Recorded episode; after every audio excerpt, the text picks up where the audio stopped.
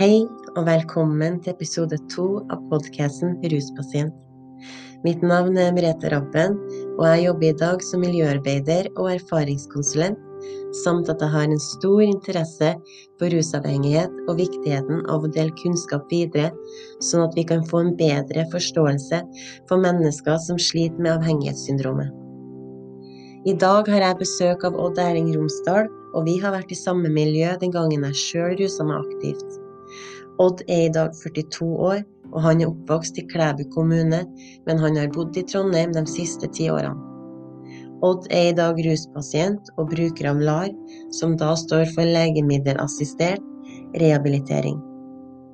Odd Erling jobber med å selge Sorgenfri-bladet, og på fritida si så er han stor fan av å skru på bil, lage musikk og lese astronomi.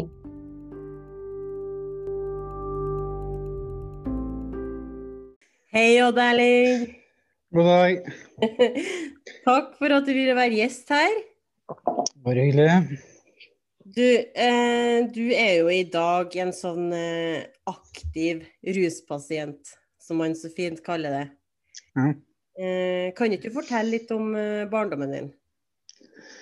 Ehm, ja, mm, helt tidlig altså, Jeg hadde en relativt normal barndom som frem til jeg var rundt seks år, når jeg fikk eh, ADHD-diagnosen. Da var jeg på eh, Høykåsen eh, 86 og fikk diagnosen der. Men etter det så ble jeg, ble jeg utsatt mye for mobbing på, og juling og sånt på skolen.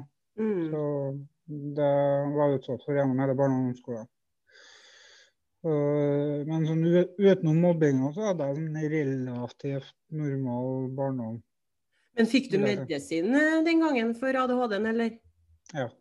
Hva Jeg gikk på, gikk på Ritalin eh, fra jeg var åtte år til jeg var 18. Såpass, ja. Gikk i, i ti år. ja.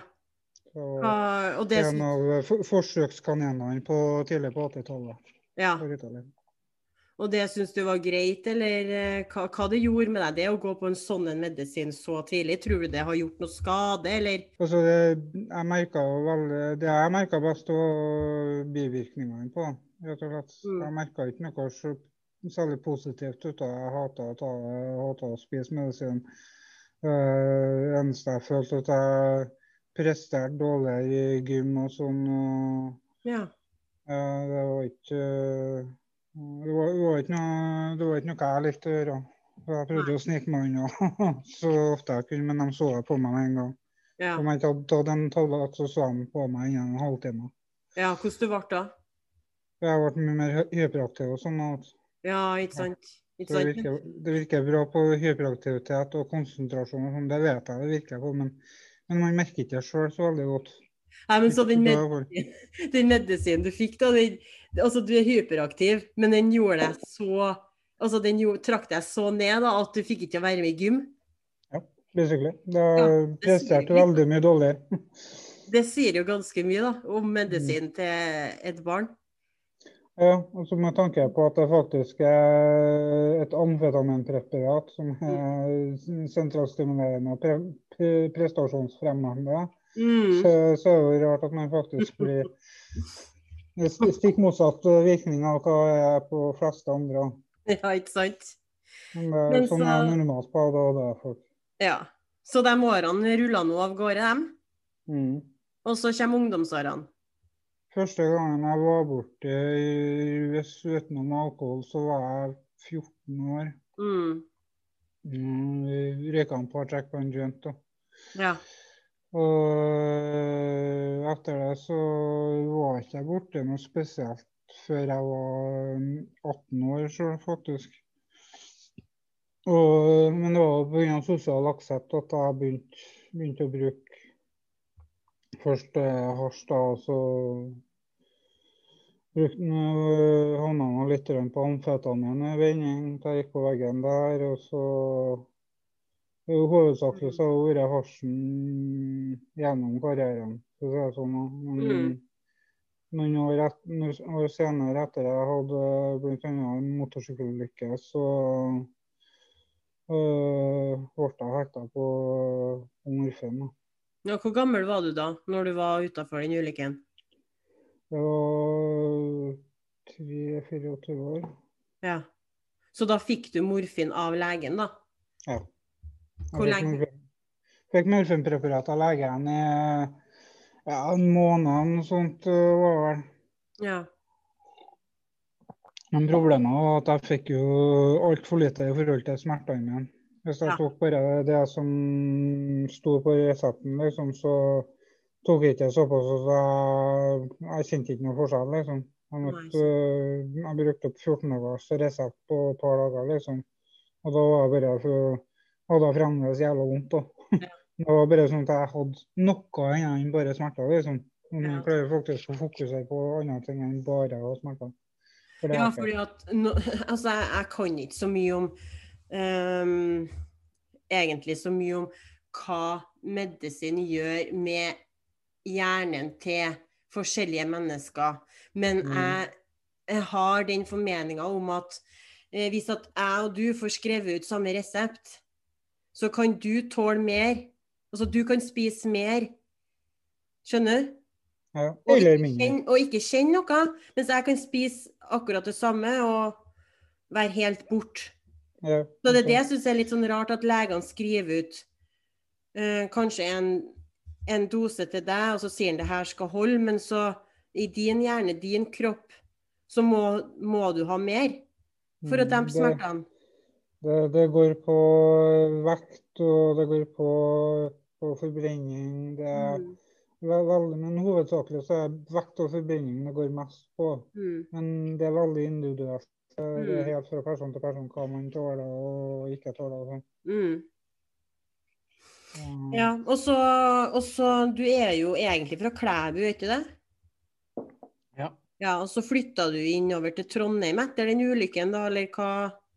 Ja, jeg flytta jeg flytta først flytta jeg til Byneset, bodde der en par år. Og så flytta jeg inn til byen da etter hvert.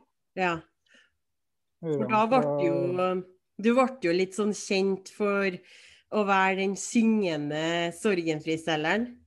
Mm, stemmer. Jeg brukte eh, Hvordan det begynte?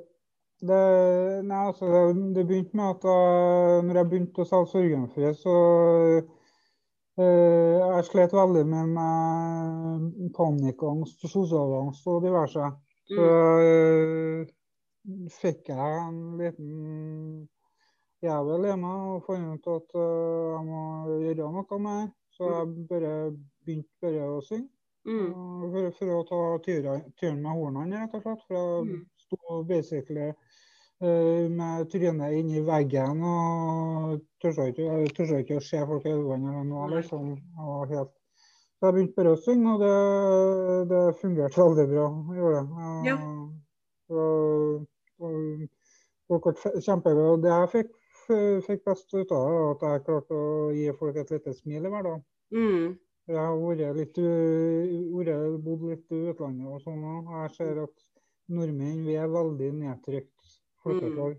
Ja, sant. Og jeg syns det er koselig å kan gi folk et lite smil i hverdagen. Mm. Og jeg tror jo. Ja, og jeg tror jo at du tiltrakk deg ganske mange kunder i den perioden der. Gjorde det. Og var veldig populært, for at jeg gjorde noe annerledes. rett og slett. Ja. Men da hadde på en måte den motorsykkelulykken da dratt deg så langt ut i rusen da, at du klarte ikke å slutte med den medisinen du fikk, da. Altså morfinpreparatet, var det? Ja. Ja.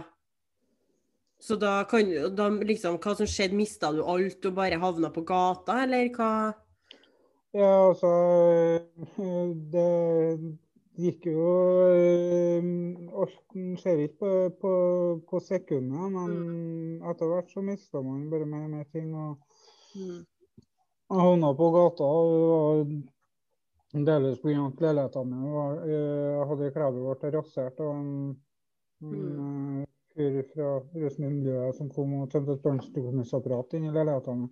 Ja, såpass. Et- Etter det så kunne jeg ikke bo her. Det var sanert i over tre måneder av spesialfirma, så kunne ikke bo her. Jeg er på Kvartas.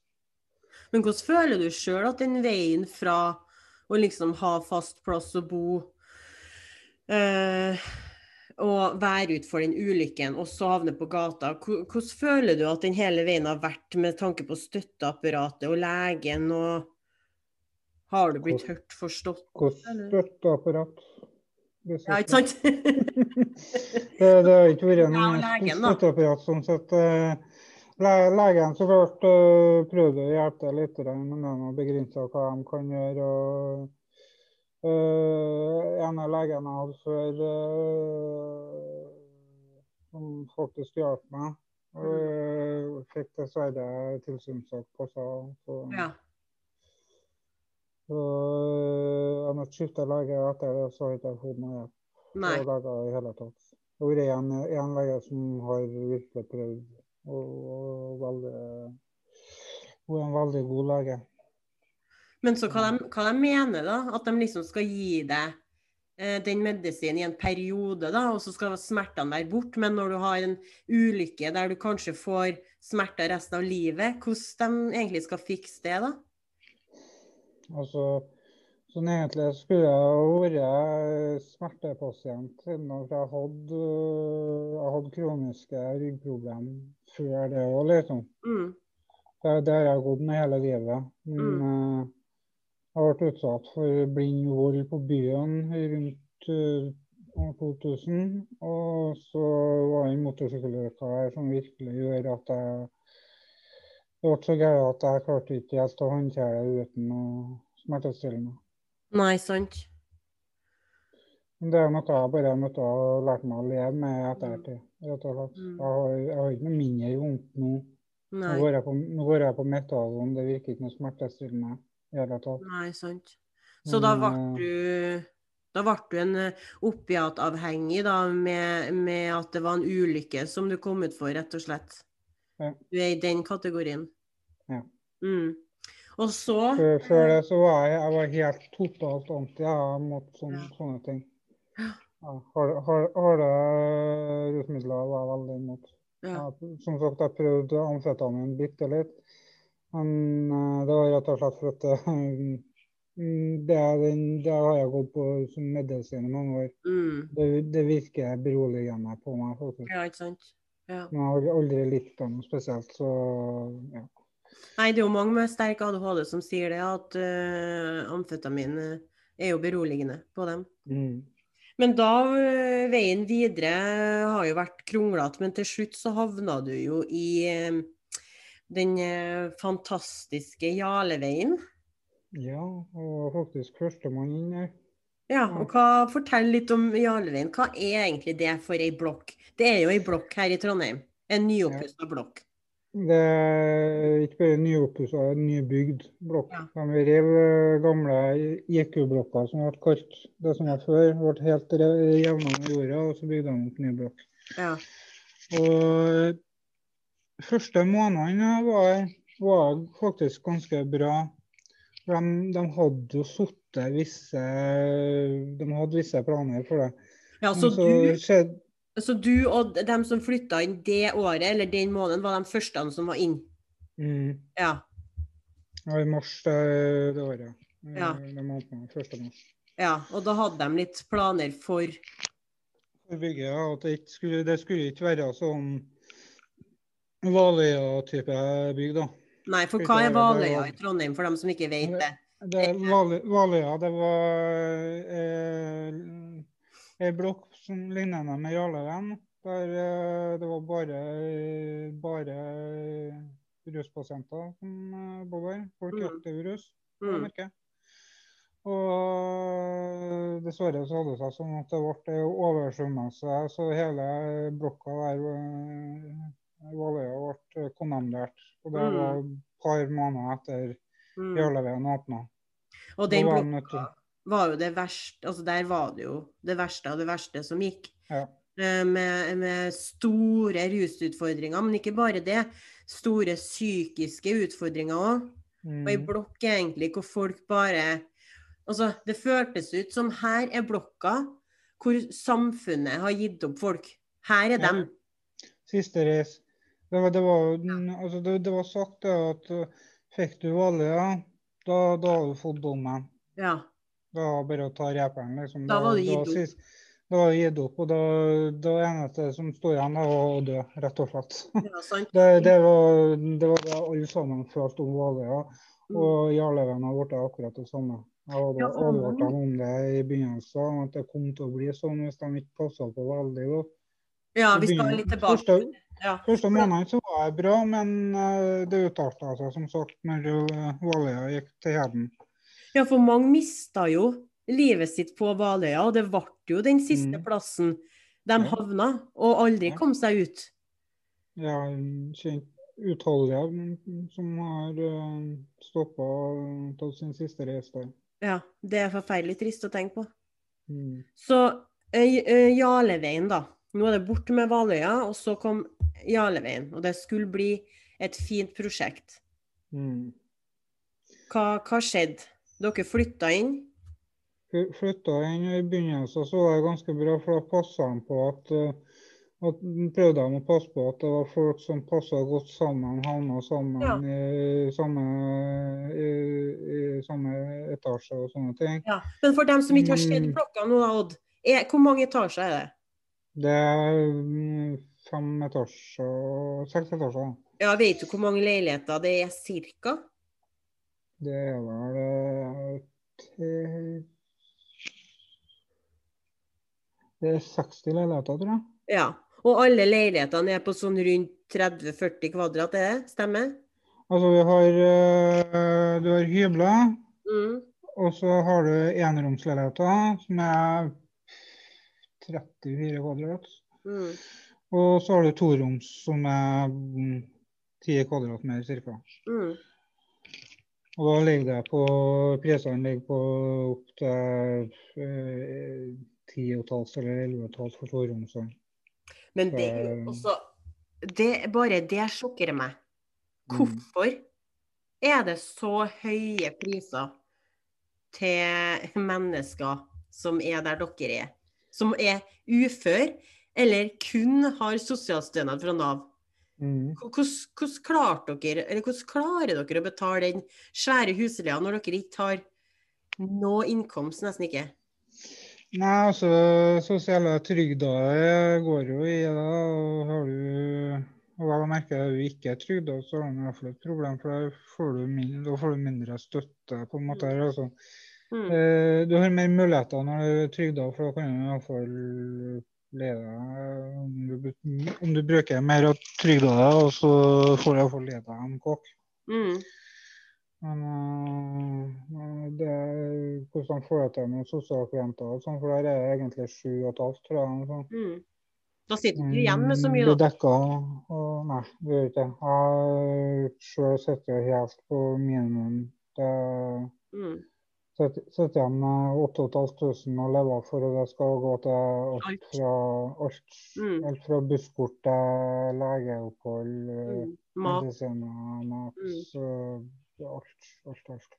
Men jeg var jo på besøk til deg der i starten, og da så Mhm. det jo egentlig ganske greit ut. Det så jo Mhm. nyoppussa ut og nybygd og alt det der, men hva skjedde?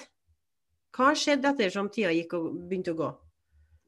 Altså, det, er- altså, det er jo Én ting altså, det er jo Du vet jo Folk kunne bryte seg inn til det. Det var masse blind vold oppå her. eh, og Mm. eh, Du kunne ikke føle deg trygg, rett og slett.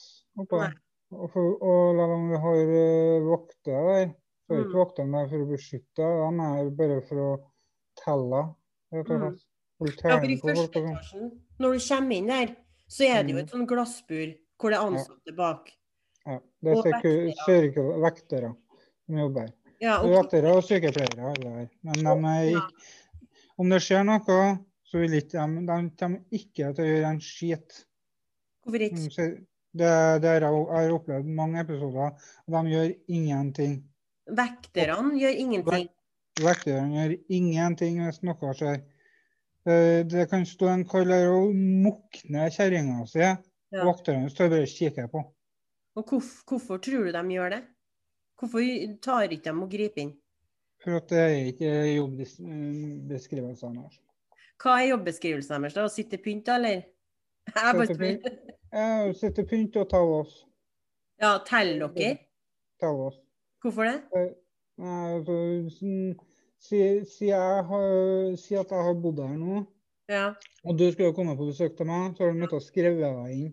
Ja. Du ja. må gi fra et navn og hvor du skal hen. De sier at det er i forhold til øh, brannsikkerhet. OK. Ja. Men det er basically bare for å telle folk. ja, for det er jo litt merkelig, for du gjør jo ikke det i vanlig blokk heller. Ja. Og de, de samarbeider med politiet. Ja, ikke sant. Det var det jeg hadde en liten mistanke om. Men, men det, det er vektere som jobber der, og så er det Hvem andre er det som er bakom deg? Er det sosionomer? Sykepleiere? Eh, Ja, sosionomer og sykepleiere det er litt forskjellige. Så de har jo bra, de har jo bra ressurser sånn sett, som folk, eh, folk med utdannelse og sånn. Ja. Men eh, sånn Jeg har mange ting jeg tok opp, men ingenting som ble fiksa. Ja. Nei. For er de som jobber der er, er, er, Kan de å jobbe med rus, syns du? Eh, Fra, litt fra person til person, da. men generelt nei. Nei. Eh, fleste kan ikke de, Folk kan eh, ligge der så dårlig at de kreper, så står de bare og klør seg i hodet. ikke sant? Så Mm. det er ikke, det er ikke holdbart i det hele tatt. Men er det noen erfaringskonsulenter der på huset, som du vet av? Nei, jeg tror ikke. Burde det ha vært det? Helt definitivt. Ja, ikke sant? Det er det jeg òg tenker. Og det burde vært noen, ikke, når vi sender erfaringskonsulent, så burde det vært noen som har vært der sjøl før. Ja. En tidligere rusmisbruker. Ja. Ja. Fordi at de som jobber der, hva gjør de egentlig da? De deler ut medisin til dere som er under LAR? Ja. Gjør de noe mer for dere, eller er de bare der? Og gjør Eh, sine? Eller gir de eh, mer av seg sjøl? Det er, det er litt fra person til person. Enkelte kan gi veldig mye, også, og enkelte eh, gjør bare absolutt nødvendigste, liksom. Så veldig forskjell. Vi hadde ei som gjorde veldig mye, men hun ble, hun ble pusha ut derfra. Mm. Ja. Hun, hun prøvde å gjøre, gjøre noe godt. Hun prøv, og prøver, prøv, prøv man å sånn, Jeg prøvde flere ganger å komme med forslag og si fra så, ting som har skjedd og sånne ting. ikke sant? Mm, Og, prøv, og prøvde å komme med forslag til forbedringer og sånn. mm, Og eksempel, det var en, øh, en kompis av meg som fikk en overdose inni sykkelbua der du ikke har lov å være uten overvåkning. mm, Der skal Vekterne skal bli med deg, låse deg inn i sykkelbua, følg med at du tar med din egen sykkel og lås deg ut når du har gått ut. mm. Så det er ikke lov å være inne i sykkelbua uten, uh, uten å ha en vekter der. Vekteren har bare åpna bua til han har gått inn. Så hadde kom- kompisen min øh, gått ned i overdose. og Jeg kom gående tilfeldigvis forbi, og da lå han kollapsa attmed veggen. mm. Så fikk, Ja. eh, fikk, eh, fikk en kompis av meg og mora til til å gripe inn. Og, og sånn. Og var med sjøl. Ja, for det som skjedde da, var at han har rusa seg på rommet sitt, og så har han Mm. klart å gå ned og Mm. hente vekteren for å få vekteren til å åpne, og så har han merka sikkert at hei, dette var litt mye for meg, det. Og så har han Mm. om i sykkelbua. Ja. Ja. Og vekteren eh, de gjorde ikke noe. De nekta han ville ikke engang røre han, så han måtte slepes inn rett foran trynet på ham, for de gidda engang de, de nekta å røre han. De tok ikke, ikke gjenoppleving, ingenting. De gjorde ikke noe. De prøvde å la ham dø, rett og slett. Jeg prøvde å ta opp det der, og det eneste som skjedde, var at jeg ble pola ut av, ut av møtene. Jeg fikk ikke lov å komme på møtene. mine. Nei, for du prøvde å stå opp for deres rettigheter som mennesker, rett og slett. Ja. Ja, ikke sant? Og resultatet var at jeg fikk ikke lov å komme. Jeg ble bare pola på hodet ut og jeg fikk ikke lov å komme tilbake. Mm. Og så kan du tenke at de fleste som hører på her nå, de tenker sikkert at å nei, det er helt sikkert en annen forklaring på det der, og det var ikke sånn det skjedde, og de ruser jo seg, de misforstår ting hele tida. Det var sikkert ikke sånn. En Mm. vekter kan ikke gjøre sånt. Det går ikke an. Men jo, i vår verden så skjer det faktisk. Velkommen til hverdagen, liksom. Ja, ikke sant? Og det er så forferdelig at sånne ting skjer faktisk i vår verden, men vi blir ikke Mm. trudd. fordi at i den normale verden da, så er det her helt absurd, og det skal ikke gå an. Men, men jeg tror at på en sånn en plass så blir folk som ikke bor der, men jobber der, de blir så heftig utfordra i jobben Mm. sin. Fordi at det er jo ikke deres kompetanse, egentlig. Ja, de, de har ikke kompetanse på det i hele tatt. Det skulle vært spesialkompetanse som skulle vært på sånne plasser. Ja, ikke sant? Og uansett så er det helt feil å stable en haug med rusmisbrukere sammen. Det er samme som å ta folk som har tics. Da Sett uh, ti personer med tics i samme rom og se hva som skjer. Ticsen deres tilter helt. ja. Det, det, det forsterker seg. Jeg har sett dokumentar på det. det er helt sinnssykt. Mm. Um, og samme er det med rusmisbrukere. da. De vil stære opp hverandre. Mm, Og det, det gjør, gjør at det er tusen ganger vanskeligere for dem å Mm. komme seg ut av den situasjonen deres. Jeg var faktisk under LAR når jeg begynte opp og flytta inn i Bolada. Mm. i i Og jeg bodde her i to år, og det var et mareritt. For at jeg, hver eneste dag så kom det folk og spurte om dop, Mm. eller tilbød meg dop. Mm. Konstant. Hver eneste dag uten unntak. Ja, for det blir jo ei blokk som Mm. er eh, Som lever i en helt annen verden. Det blir Mm. ei blokk som lever sitt helt eget liv. Ja. Med, med mange kaotiske liv inni.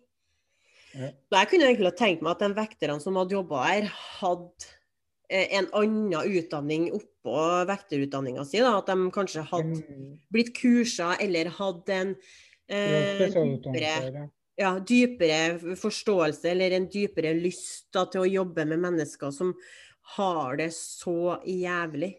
Mm. For jeg kan tenke meg at eh, når du plasserer vektere oppå der, så kan det bli et sånn derre eh, elsk-hat-forhold.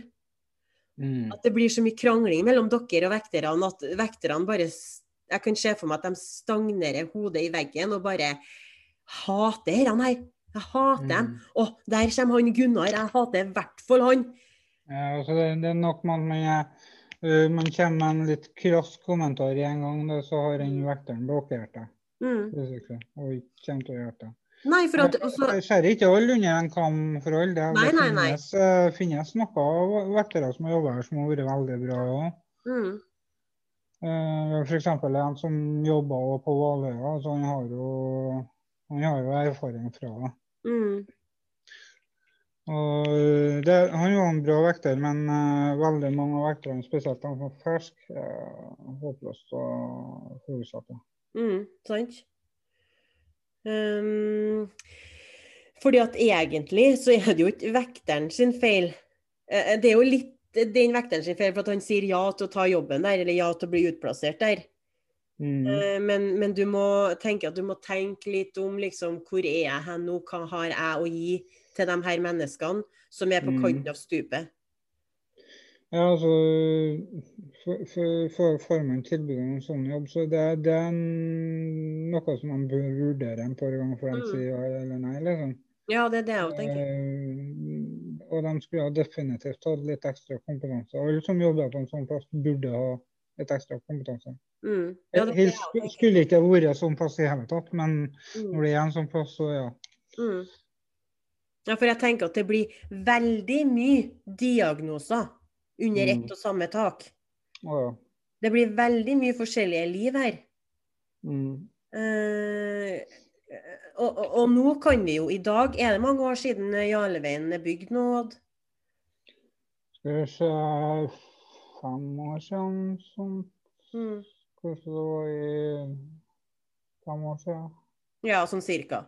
Men vi kan vel trygt si at Jarlveien er tro kopi av Valøya? Ja, Det er en kloning av. Valøya. Mm. Så hva, hva, gått, hva har skjært seg, tror du? Hva er det eh, kommunen, eventuelt Trondheim by, har gjort feil her?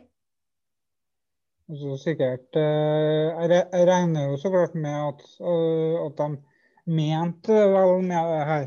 Men problemet er at de har kjørt samme opplegget som Valøya. Altså, de ville ikke gjøre det, men pga. at Valøya vårt øh, gikk, stund- gikk til heden, så måtte de slippe inn alle sammen dit, og da ble det jo Valøya 2. Ja, Og det, det er jo store feilen. Altså Feilen er jo basically at de stuer eh, så mange rusmisbrukere og psykiatriske pasienter sammen. Mm. Det er absolutt ikke bra. Det det er som å be om broren. Ja, for jeg føler at det er en sånn eh, Vi stuer dem der. Eh, oppholdsplass.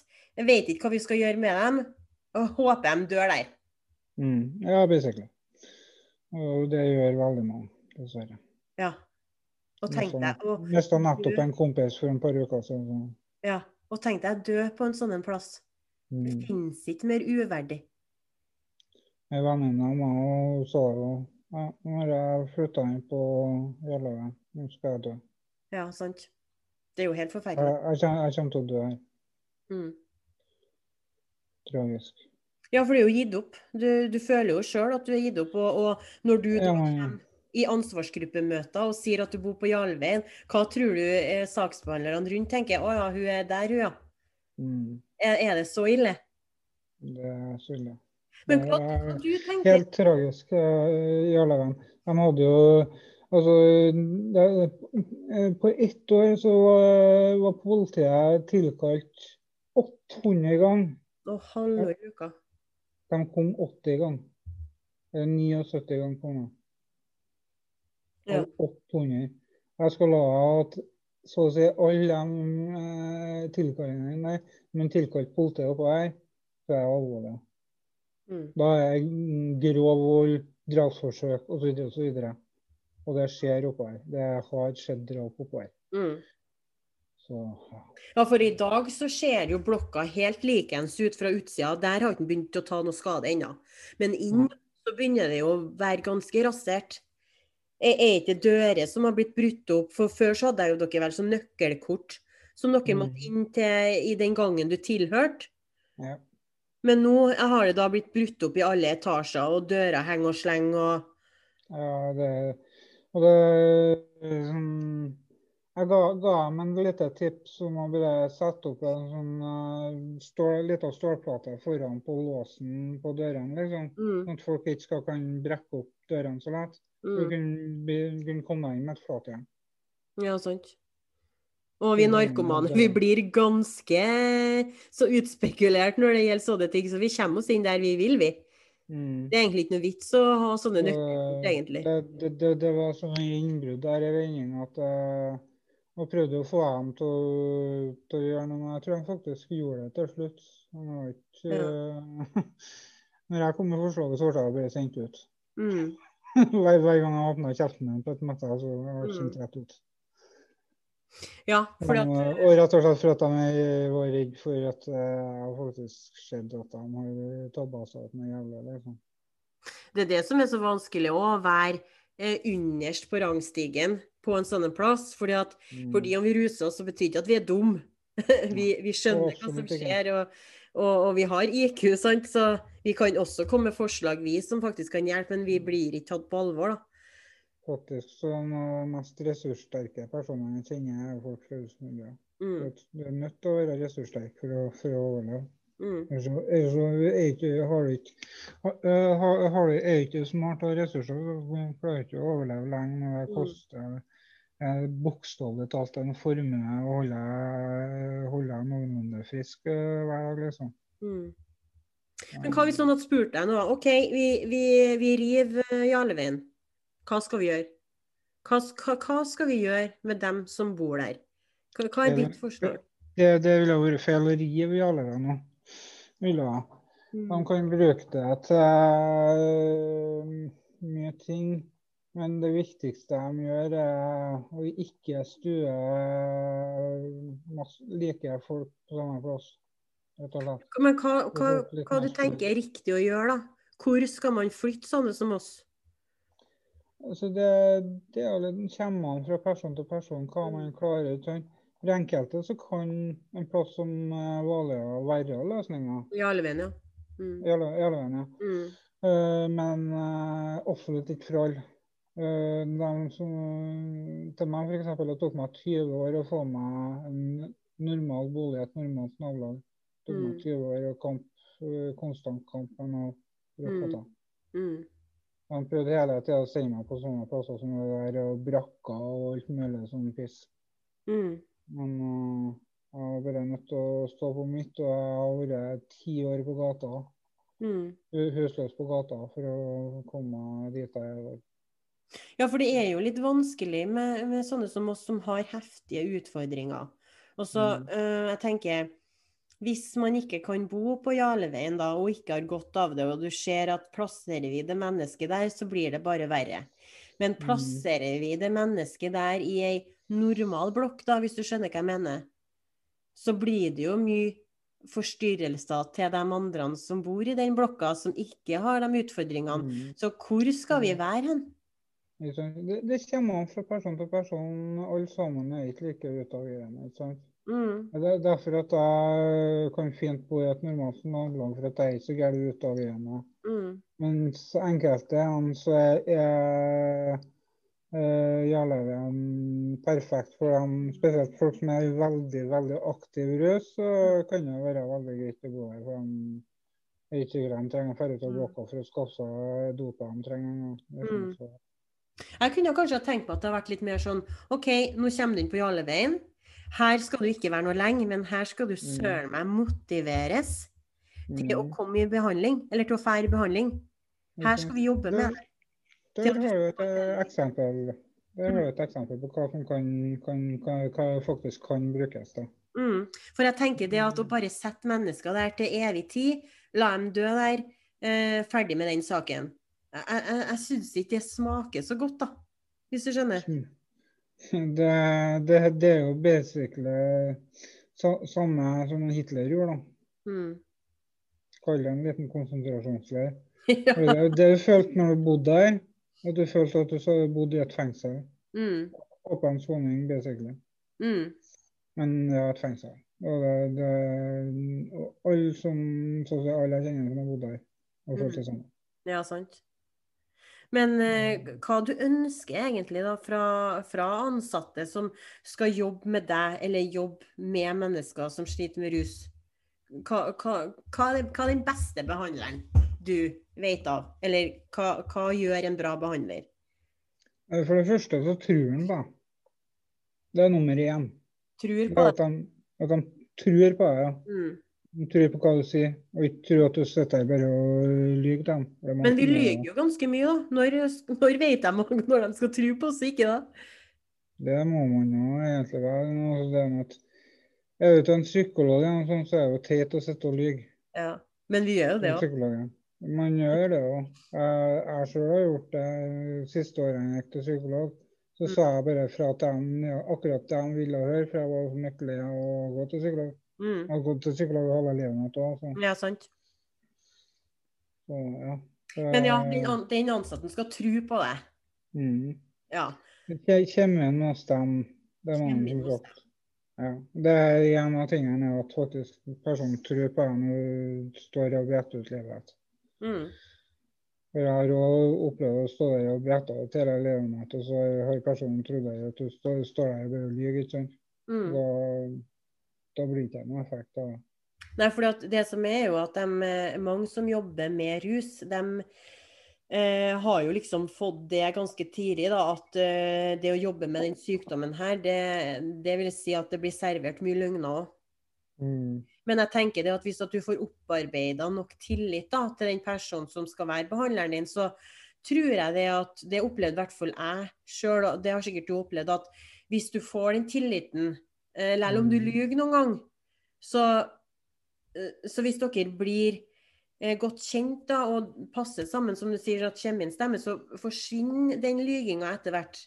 Ja, den gjør det. For du har ikke lyst til å Ingen som har lyst til å stå og lyve. til folk. Du- Nei, altså, det er jo Man vil være ærlig. Man Ja. vil være ærlig som Ja. be, fra grunnen av, men Ja, for jeg tror det at den lyginga kommer jo mye av at den ruspersonligheten vår, eh, som Mm. faktisk eh, dominerer da, når vi er i aktiv rus, ja, den vil jo gjøre alt for at vi skal fortsatt være i rus Det det. og ha rusmidler. Det er jo den som står og lyver, Mm. sant? Men, men hvis du tar bort ruspersonligheten og, og bare har oss igjen som hele mennesker, så da, da, da er vi jo ikke redde av løgn. Mm. Men lyginga kommer jo av at vi vil beskytte sykdommen vår. Vi vil jo Mm. ha rusen, sant? Vil ha, eh, ha det som gjør at man føler at man har det bra. Mm. Det er en veldig naturlig veldig naturlig Mm. som, som det, det er automatisk. For det, det, det er sånn overlevelsesinstinkt. Ja. Ja, det er det. Det er det rett og slett fordi vi er så redd vi, for å bli separert fra rusen. For den gjør jo alt for Mm. oss.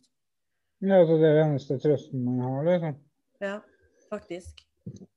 Men da er det bare, opp- bare opplevd eh, faenskap gjennom hele livet sitt, og det eneste positive man føler at man kjenner, er den lille rusen man har. liksom. mm. Og,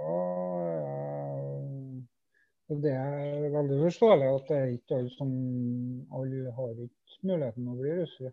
Altså, alle, alle klarer ikke å bli det. Du er nødt til å du er nødt til å ha staheten til å komme deg gjennom det. Man er nødt til å ha Det er så mye som må klaffe. Alt må Mm. klaffe.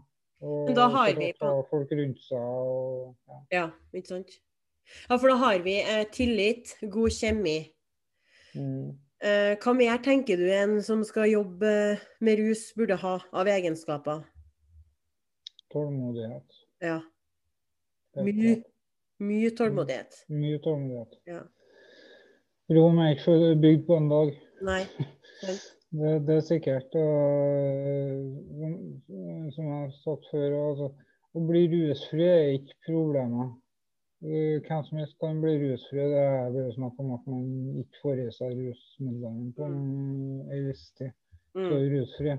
Men om man klarer å holde seg rusfri, Mm. der, eh, der utfordringa ligger. For det er en Mm. evig, evig krig, altså, man sier og en gang alltid, liksom. Mm. En, en gang rusmisbruker, alltid Mm. eller alkoholiker. Mm. Og det stemmer til en viss grad, ja. Mm. det, det er en daglig kamp, på en måte. Mm. Har du kjipe dager og sånn, så jeg vet hvor lett, uh, lett det er, og hvor kort du er med til å kan bare bla, ut hele skjebnen og ikke tenke på noe dritt. Mm. Så det, det som er, er at uh, det du sier, at alle kan bli rusfri, men det å holde Mm. seg rusfri, det er det som er utfordringa. Ja. Men da har vi på en måte Vi har uh, tillit, vi har god kjemi, og vi må ha en person med lang tålmodighet. Mm. Fordi at når vi skal begynne på den veien med å bli rusfri, så, så snubler vi jo ganske mange ganger. Og det jeg syns er så vondt, er å ha en behandler som tar seg nær av at jeg sprakk. Mm. Han tar seg nær av at jeg sprakk eh, når jeg for hjem på perm. Eh, og når jeg kom tilbake, så løy jeg om det. Men jeg er jo ikke det er så, klart du gjorde det. For å være ærlig om det, så mest sannsynlig mista jeg plassen. Liksom. Det, det så Ja, ikke sant? Du blir jo redd for å være ærlig òg noen gang. Ja, det blir det der er helt tett. Har du kunnet være ærlig og ikke vært noen fare for å miste plassen, så, Mm. så har man, da har man mye mer sannsynlig for å Ja, for da at du får slappe av litt. For Mm. det som er alltid er utfordringa til oss, er jo at hvis ikke du oppfører deg, så blir du kasta ut herfra. Hvis at du Mm. sprekker, så blir du kasta ut herfra. Vi har alltid.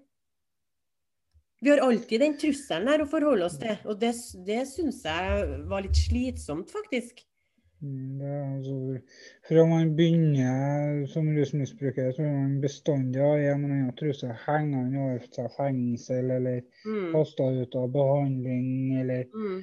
Uh, ute tilsidesatt for eh, eh, en gjeng med folk. Det er et sånt arbeid eh, Jeg skulle ha likt det, jeg har hørt på St. Olav hvis at det var en kreftpasient som hadde kommet inn der. Og så har han spist litt eh, mye av medisinen sin, og så har legen sagt nei, du er kasta ut herfra, du. Får ikke være her i Mhm. behandlingen noe mer, du. Du hører jo ikke hjem noen plass. Nei, jeg vet ikke. Vi, har, vi, skal jo liksom, vi skal jo liksom ha like mye rettigheter vi som en Mm. kreftpasient har. Mm. Men vi har ikke. Har ikke noen rettigheter i det hele tatt. Men allikevel så er Jeg skjønner jo at det er jo mye, mye synsing og, og skjønning og alt det der rundt Mm. det her. Fordi at noen ganger når vi legger oss inn, så er vi jo ikke klar for det. Nei. Er å Det, det, er faktisk et av de største problemene når jeg har sagt lenge nå. At én ting som er viktig for å få tatt tak i ting, Det er at når man virkelig er 110 innstilt, Mm. der skal du inn Mm. med en gang. Og skulle vært bare tatt en telefon, så har de kommet og henta deg på, på Mm. fem minutter. Ja, for at sykdommen vår kan ikke gå og vente på plass. Nei. Du, du, det du, du kan ikke gå i åtte måneder og vente på å komme inn når du går og er dødssyk. Ja, og så driver vi og snakker litt om uh, hva en uh, god behandler trenger nå, da. Og da tenker jeg at man må også ha respekt Ja, det er, det er veldig viktig. for det individet, eller de individene du uh, har sagt ja til å jobbe med, da, eller for. Mm. Helt klart. Det, det er egentlig begge veier. Ja, ja, ja. Ja. Viser ikke den personen respekt til deg, så vil du aldri vise respekt til den personen heller. Og det så. som er, er jo at vi viser ikke respekt hvis ikke vi føler oss trygge på det. Sant? Nei. Så hvis vi kommer som ny da, på en behandlingsplass, så kan du ikke forvente at vi skal gi deg respekt. Fordi at når vi kommer dit med den bagasjen vi har, og eh, jeg har helt kaos i toppen, og livet er bare helt jævlig, så kan du stå Mm. her og forvente deg respekt. Nei, ikke. Og det er det jeg syns er litt rart òg, når jeg skal bare ta opp en ting til her nå, når vi snakker om respekt. Det er det dere som LAR-pasienter her i Trondheim opplever nå, Mm. med den henteordninga på søndagene. Og før så var det jo litt sånn at, eh, at du kunne hente LAR-medisinen din på apoteket, på søndagsåpent apotek, når du sjøl ville. Mm. Og nå har LAR stoppa med det. Og nå må dere hente LAR-medisinen deres på søndagene ned på Trondheimsklinikken. Og da, hvor lang tid har dere på dere? En og en halv time. En og en halv time. Så her forventer jeg da et system som arbeider med mennesker som ikke klarer og ikke kan forholde seg til tid, at dere skal ha en og en halv time på dere for å hente søndagsdosen. Ja. Det, altså, jeg har hatt øh, har hatt en sprekk, og det var direkte av han. Jeg kom ti minutter for sent og fikk ikke medisinen. De nekta meg medisinen. Jeg sto i tre kvarter og venta på at man skulle reagere. Når de som kom, da, var det bare folk som skulle ut og lufte seg, som var på jobber, som var på avdelinga. Ja. Og, og da ba jeg om om kan dere i hvert fall ringe opp og høre etter om det er noen som faktisk kan hjelpe meg. Jeg sto der i noen timer og venta, liksom. Ja. Jeg, jeg må ha medisinen. Jeg blir dårlig hvis jeg ikke får den. Ja. Og de var å sperre eh, ringeklokka på utsida. Ja, Så jeg fikk det ringe opp noe mer. I hele tatt. Men hva føler du da, når mennesker som, som skal jobbe for sånne som deg, for din sykdom, når de stenger døra sånn? Jeg har mest lyst til å rasere hele dem, rett og slett. Eh, siste Siste har jeg respekt, for å si det sånn. Ja, men altså, det er jo helt, det her er jo helt sinnssykt. At du Ja. skal nekte noen som er så trengende Du skal nekte dem medisin for at de klarte ikke å holde klokkeslettet. Mm. Det er helt sinnssykt. Og snakk om ti minutter, liksom. Det, men faktisk, det er Man kan få eh, Som de lar sa, De vurderer ordene sånn at jeg kan få henta på apoteket. Ja, så du kan få en sånn egen avtale på det. Ja. Men, men det er jo ikke sikkert at alle kan det, for da hadde de jo ikke gjort det sånn. In the first Nei, det- place, tenker jeg. Nei, altså Det var etter koronaen starta at de har begynt å bli at det er litt mer av det her, da, tror jeg. Jeg tror det er etter koronaen starta at det ble sånn. Mm. Men hva føler når Før så var det mer normalt at man henta på apoteket på Ja, sant? Og da har du jo hele dagen på det. Mm. Men, men hva føler du da når, at, du- når du ringer på eh, klok eh, klokka, og så vet du at det er fagfolk som sitter på andre enden, som har gått mange år på skole for å uh, skulle stå uh, i dritten sammen med deg? da? Hva føler du da når de bare eh, legger på røret og Føler at de pisser på meg. rett og Mhm. Det Så langt ifra respekt som jeg kan få bli, er heller, heller mer mot sadisme. Mm. Tortur, rett og slett. Ja, tortur. For det, det er akkurat det det er. Fordi at hva skjer Eh, når du blir dårlig? Um, Jeg kan sammenligne det med den verste influensaen du har hatt i hele ditt liv, og så ganger jeg med 100, så pleier jeg å si at du begynner å nærme deg en plass der. Ja. Det er vanskelig å forklare hvor dårlig man blir. for Man, man Ja. blir så dårlig at man, man får ikke igjen noe som helst. Det, er- og det er litt individuelt hvor dårlig man blir. da. Mm. Til meg kan jeg for, for eksempel, jeg begynner å slite litt med blodtrykksfall og sånn etter noen dager. Hvis jeg går dårlig noen dager. Og da får jeg ikke til å gjøre noe. Jeg kan ikke bare bevege så mye på hodet mitt. bare et par Mm. centimeter på hodet mitt eller hånda mi så mye, så kan jeg filme. svømme. Mm. For dette her kommer vi til det siste punktet i hva en god behandler trenger. Mm. Og det er Egentlig så er det to siste ting, da. For at jeg mener at den trenger egenerfaring. Altså, du må ha erfaringskonsulenter. Ikke bare eh, erfaringskonsulent med psykisk helse, men du trenger erfaringskonsulent som har stått i dritten opp til ørene. Du Mm. trenger dem på en sånn plass Mm. for å jevne ut forståelsen. Ja. De, de, de kan komme med den praktiske øh, Altså øh, De som er utdanna, de har teorien. De Mm. har ikke praksisen. De Mm. har, de, de har bare noe teoretiske. Men, og det er ikke sikkert at veldig mye av den teorien stemmer ikke i hele tatt. For det er gamle, veldig gamle overbevisninger Den kan være Mm. 100-200 år gammel. ikke sant? Mm. Så helt klart at man trenger noen som får absolutt å være her sjøl. For, Mm. for, for det, altså når du står og snakker med en, eh, en utdanna person uten praktisk erfaring, du Mm. føler at du står og snakker til veggen. Ja, ja. Det, det, er ikke, det er ikke noe forståelse nå her. Det er viktig at det er forståelse. Forståelse på et dypere plan, og det er det som kommer til siste mitt. Og at jeg føler skal du jobbe med rus, så må du ha en slags videreutdanning. Du må Mm. fordype deg i avhengighet. Hva er det som skjer fra en person kommer inn på avrusningsplassen? Hva er det som skjer etter noen dager, uker, måneder, fordi om vi Mm.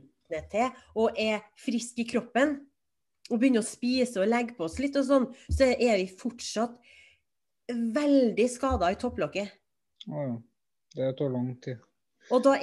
ikke, og da kan ikke du behandle det her på tre måneder. Sånn som Nei. det også skjer nede på Trondheimsklinikken nå, at du får tre måneder på det til å bli rusfri. Mm. Hvordan skal du klare å ha tre måneder på det? Når at du, du Mm. må tilbake i tid og jobbe med traumer som kanskje Ja. skjedde når du var en, en liten unge eller tenåring. Hvordan skal du få Mm. til det på tolv uker? Ja, altså Det er ikke alle medisiner som du blir rusfri på for tolv uker.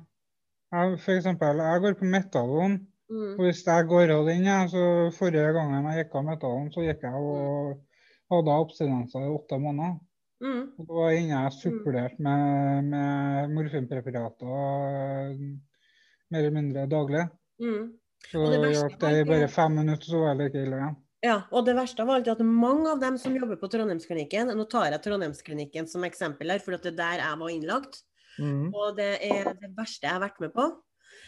Eh, og det verste jeg uh, merka der, var at uh, ansatte de hadde ikke noe kunnskap om LAR-medisin. De mm. har ikke noe kunnskap om hva som skjer når jeg sa 'nå blir jeg dårlig'. Ja. Mm -hmm. sant. de, de står og kikker på deg som om at de sier 'nå må du ta deg sammen'. Mm. Eh, og så du får litt diaré. Så gå og legg deg litt. Nei, det er ikke sånn det funker.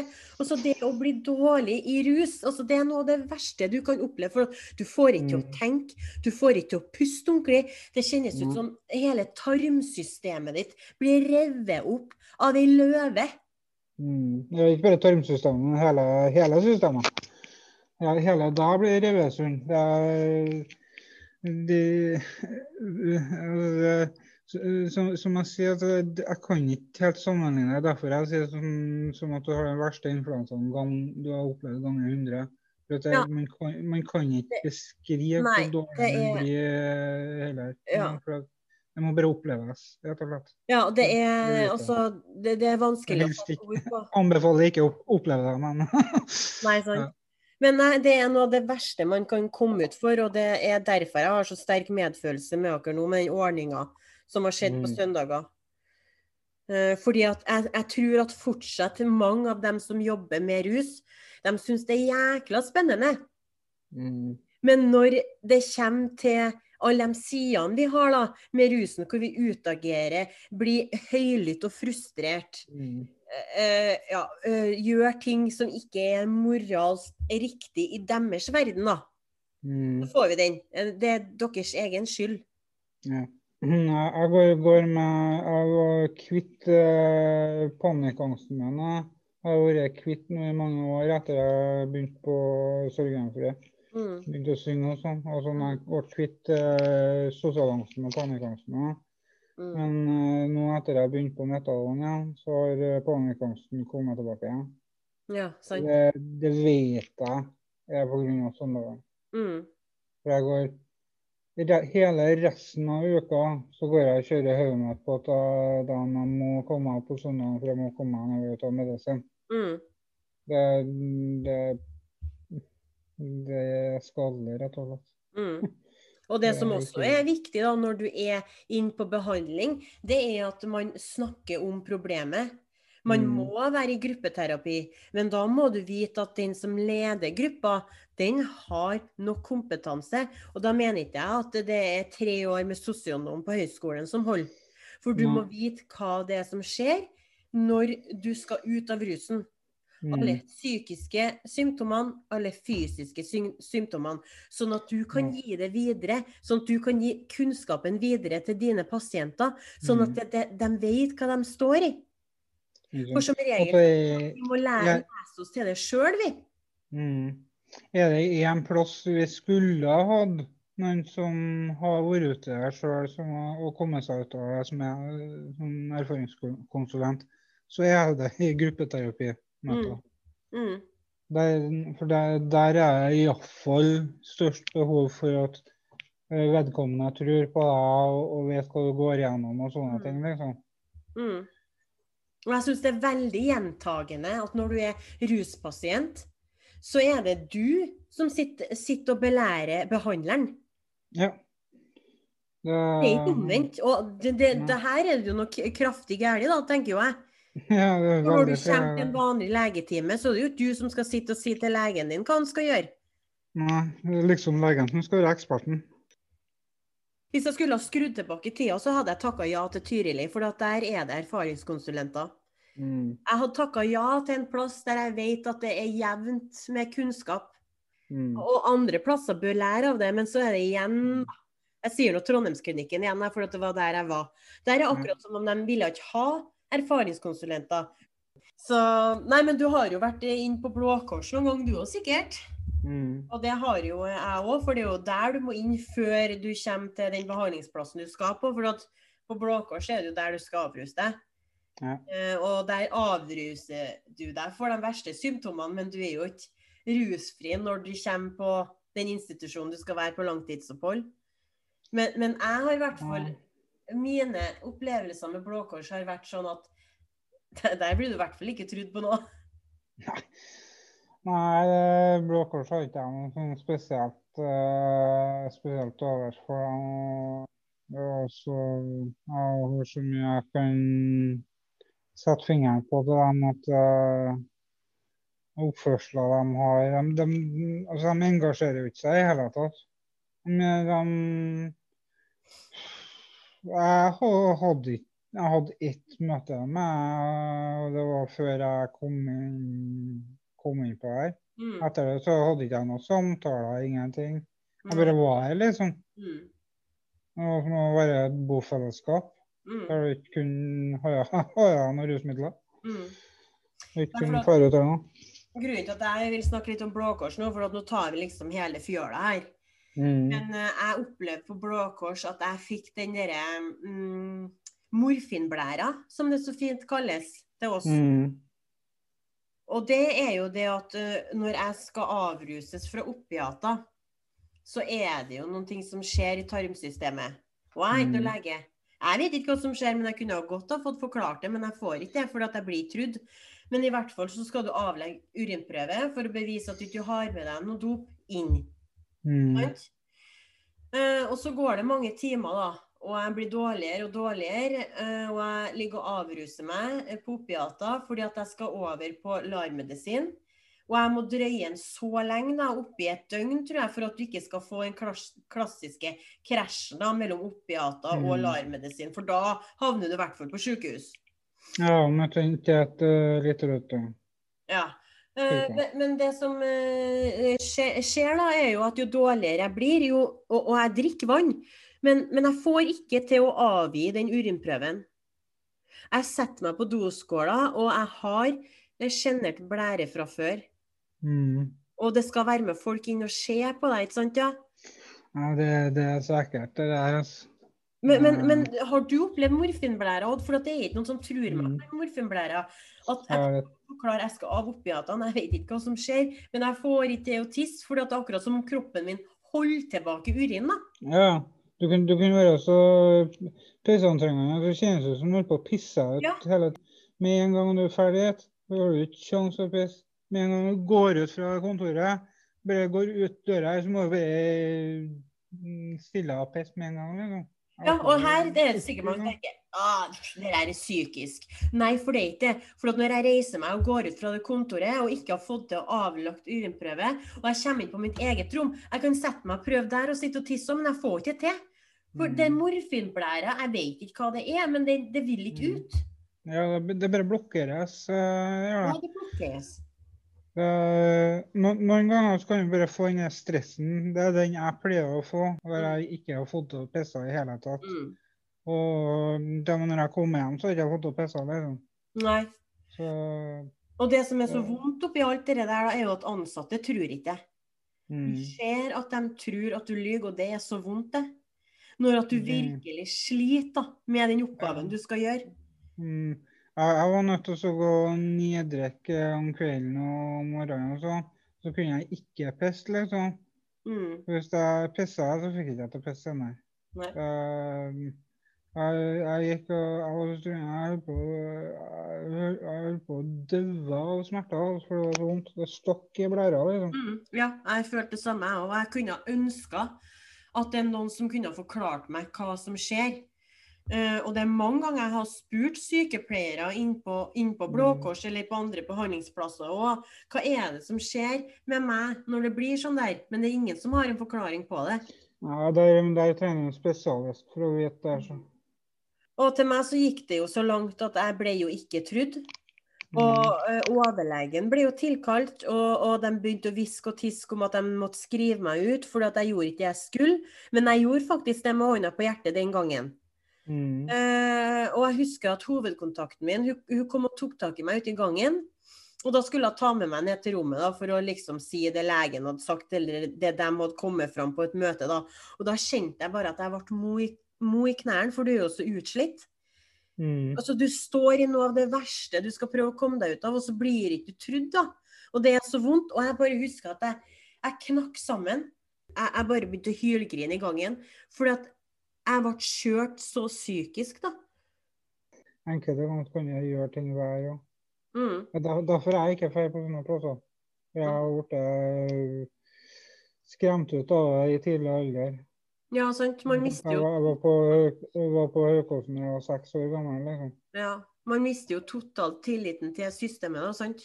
Mm. Så det endte jo med at eh, jeg måtte eh, Jeg var på vei til å legges i kateter, da. Mm. For de måtte jo få ut noe urin fra meg, og gud som jeg hadde lyst til å få ut den urinen der sjøl òg, men heldigvis så gikk det etter mange, mange timer. da. Og Mm. utrolig nok mange liter med vann òg, så jeg skjønner egentlig ikke hvordan kroppen klarer å holde inni seg. Altså. Det er helt utrolig. Ja, men det bare, det bare blokkerer. Det er som at det skal, ja, som at det skal være en svær sten som setter seg i urinrøret og blokkerer. liksom. Ja, det, det er veldig vanskelig å forklare. Og så høres det ut som den verste unnskyldninga å servere òg. Så, sånn er det bare. Mm. Det altså, det det er masse sånn eh, småting som skavanker som rusmisbrukere får, som andre folk aldri vil få. Nei, sant. Og det, det er også viktig å huske på hvis de skal jobbe med sånne som oss. For hadde noen bare sagt til meg Merete, bare slapp av. Ta det Mm. med ro. Det her får du til etter hvert. Vi tror på det. Akkurat. Og det, det har jo kunnet virke ganske godt òg, faktisk. For kjenner man skikkelig på skamfølelser sjøl, kanskje man gjør noe med det. Mm. Men er det noe håp for at du noen gang eh, legger deg inn i behandling igjen, da, eller ser du mørkt på det? Jeg ser veldig mørkt på å legge meg inn i behandling, ja. Men jeg, altså, sånn, nå går jeg av på metadon. Jeg skal av det. Det har jeg bestemt meg for. Mm. Men jeg har ikke bestemt meg om jeg legger meg inn for å få det til. Altså, jeg, jeg vil nok ha litt øh, Få litt oppsyn av lege, det kunne jeg godt tenkt meg, men uh... Men hva hvis det hadde blitt bygd en sånn en plass i Trondheim? Hei du Odd, nå har vi fått en eh, helt ny klinikk her med masse erfaringskonsulenter på bruket, blanda med fagfolk. De jobber tverrfaglig. De har fordypa seg i avhengighet. Hadde du Mm. følt at det, her er det så trygt og godt at jeg vil faktisk prøve? Det, da, da har det kunnet være noe jeg kunne funnet på å prøve. For øh, som sagt, det, det der er ting som jeg har hele tida sittet og, leta etter på en måte på sånne rusinstitusjoner. Jeg har ikke funnet på noen av dem, liksom. Det, det er så sjelden de har noen som er skikkelig erfaringskonsulenter. og Men hva, hva tror du er grunnen? jeg har opplevd det i hele tatt, tror jeg. Ja, for hva tror du er grunnen til at fagfolk som jobber eh, på en rusbehandlingsplass, eh, at de ikke vil eh, Altså, de vil ikke ansette like mange erfaringskonsulenter som det er fagfolk. da. Hva tror du er grunnen til det? Mm. Mm. Det handler jo om å være ydmyk overfor de livene du skal hjelpe, og ta inn så mye kunnskap du kan da, for at mennesker skal kunne klare seg i livet. Mm. For at de skal klare å komme seg ut av sykdommen her. Så kan ikke man stå på en høy pidestall og si her er vi så mye bra fagfolk som jobber, at uh, vi trenger ikke noen flere erfaringskonsulenter. vi. Nei, nei, det går ikke an. Fordi at vi rusmisbrukere, vi trenger så mye støtte rundt oss, og vi trenger så Mm. mye forskjellig kunnskap rundt oss når vi skal ut av rusen. Ja, Det er en veldig spesiell sykdom det her. det, det, er- det er en ekstremt krevende sykdom, for det er så lang behandlingstid. Det er Mm. ikke noe som er gjort på ei uke eller to, liksom. Nei, det er ikke. Det noe, noe du trenger noen år på, på å bearbeide. altså, Liksom. mm. Noen trenger hele livet sitt. Så liksom. Mm. Ja. jeg har ikke møtt på én person som har eh, begynt å bruke rusmidler bare for at de føler for det.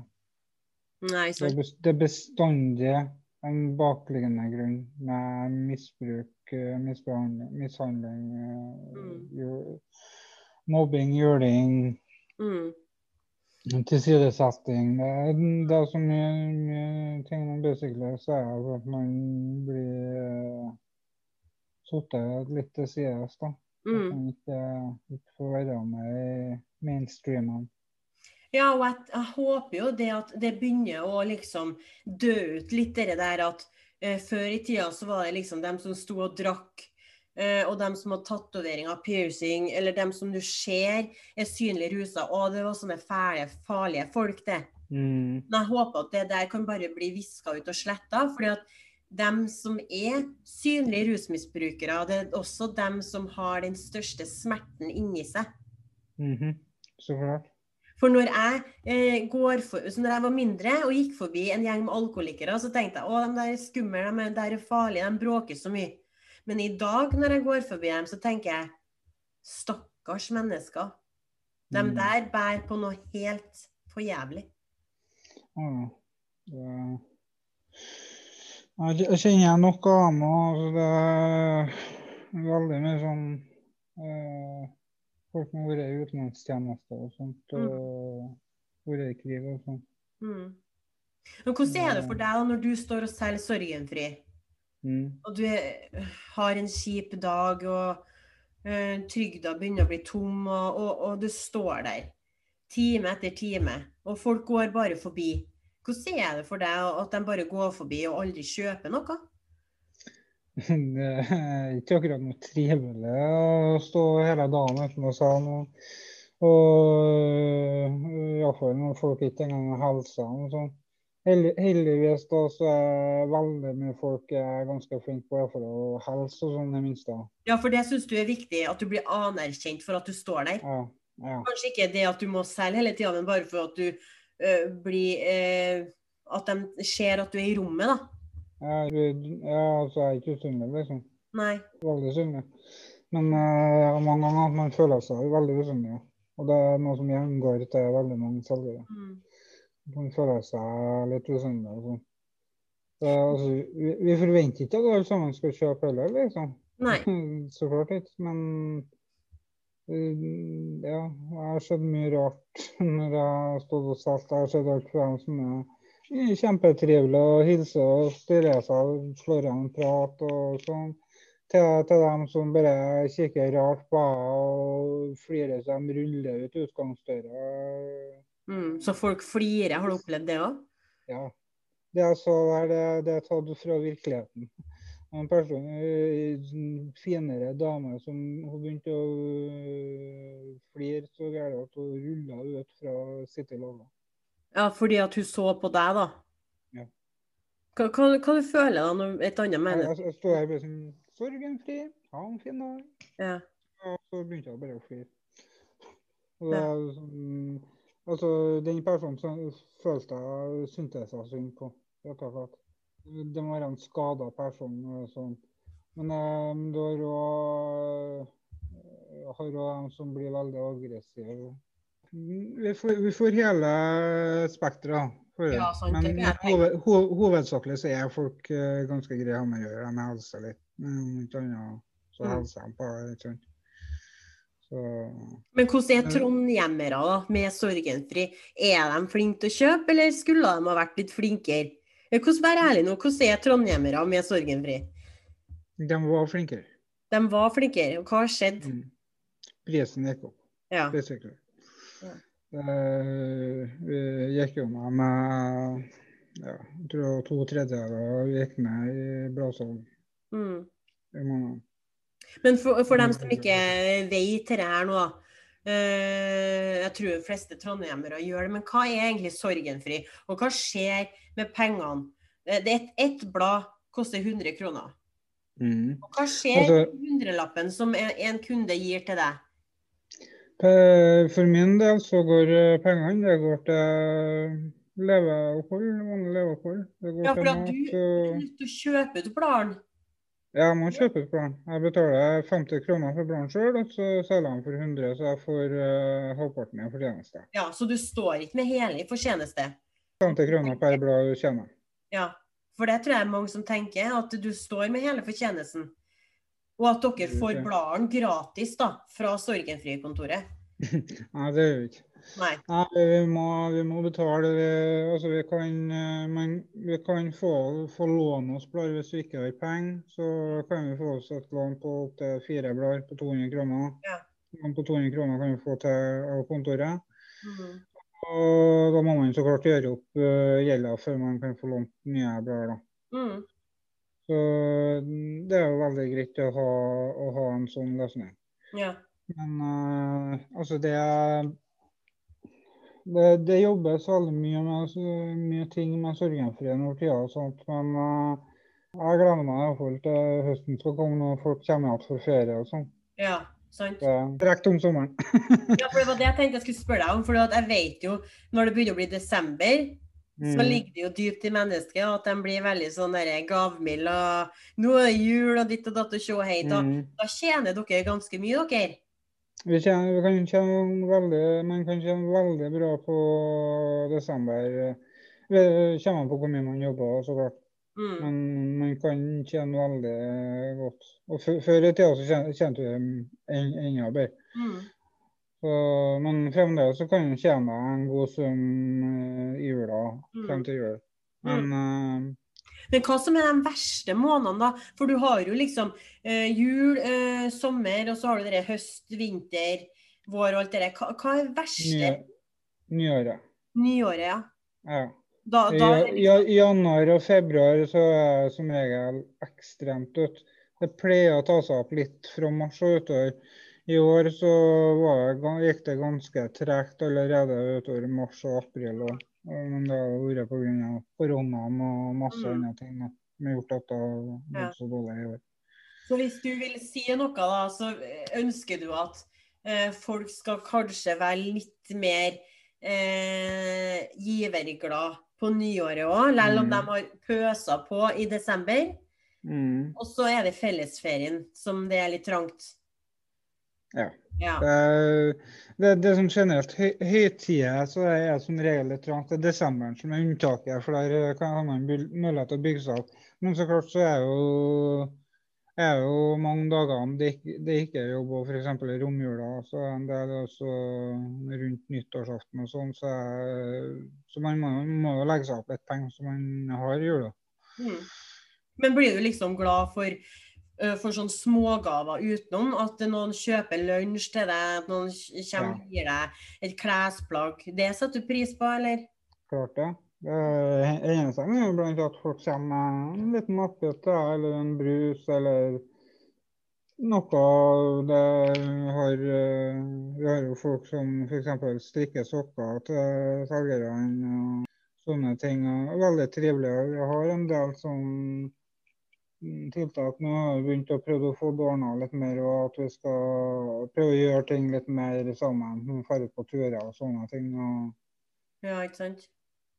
eh, Ja, men det tror jeg er viktig at en sånn en plass har. Ja, helt klart. Ja. Ja. Til å gjøre ting med dere, sant? Mm. Så ikke jeg bare ikke bare jobben best liksom. Det er sorgenfri er mer enn bare jobben. Mm. Det er jo det. Og, og det er derfor jeg selger sorgenfri òg. Jeg selger ikke sorgenfri for at jeg tjener noe godt penger nå. Jeg selger sorgenfri for, at jeg, for å ha noe å gjøre om dagen. Så klart det er veldig greit å kjenne seg noen kroner. Mm. Det, det er ikke å legge under en sko, det, men eh, det er ikke det som er drivkrafta mi til å selge. Det, det er å uh, ha noe å gjøre om dagen, og det å få spredd ordet, for å si det sånn. Mm. Altså belære belære folk som ikke vet så veldig mye. Mm. For du får, vil få en del spørsmål eh, som selger. Vet, Mm. vet aldri hva folk spør om. Jeg kan gjøre alt mulig inni ordet. Mm. Men jeg vet jo at du, du er ganske glad i å mekke på biler. Men hvis noen kunne ha oppfylt det ønsket da, om at du har fått stått og mekka på bil da, noen dager i uka, da hadde det Mm. vært så bra for deg, det. Ja, klart det. Å ha noe Altså, øh, alle sammen trenger å føle at man er, er til nytte. Mm. Det verste man kan gjøre, er at man føler at man ikke er til noen nytte. Mm. Så hvis du sender et ønske ut i universet, da, så er det det å stå og mekke på bil Ja, og delta i sam sånn. de, delta i samfunnet. En gang ha meg noe hele altså en normal jobb, liksom. Det Mm. har vært knalle. Mm. Det noe jeg regner med, men det har vært koselig. Mm. Så absolutt. ja. Mm. Vi sender det ut der. sender det ut i kosmos. Men eh, Odd, tusen takk for at du var med på podkasten her. Kjempekoselig. Ja, og herlighet, vi har snakka mye artig, ja. Mm. Kjempebra. Altså, tusen takk.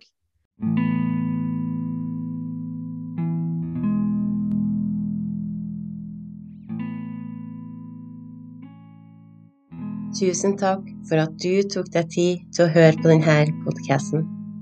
Har du lyst til å dele din historie om det å være nær rusen, ta gjerne kontakt med meg. I neste episode så skal vi bli litt bedre kjent med Trond fra den populære Instagram-sida Veien tilbake 2021. Trond har blitt ekstremt populær på kort tid, da han starta med videodagbok når han la seg inn i rusbehandling i mars. Kontoen har fått over 2000 følgere på bare noen måneder. Og hva er det egentlig som gjør at han har blitt så populær? Trond deler også sin personlige rushistorie, samtidig som vi reflekterer rundt forskjellige rustema.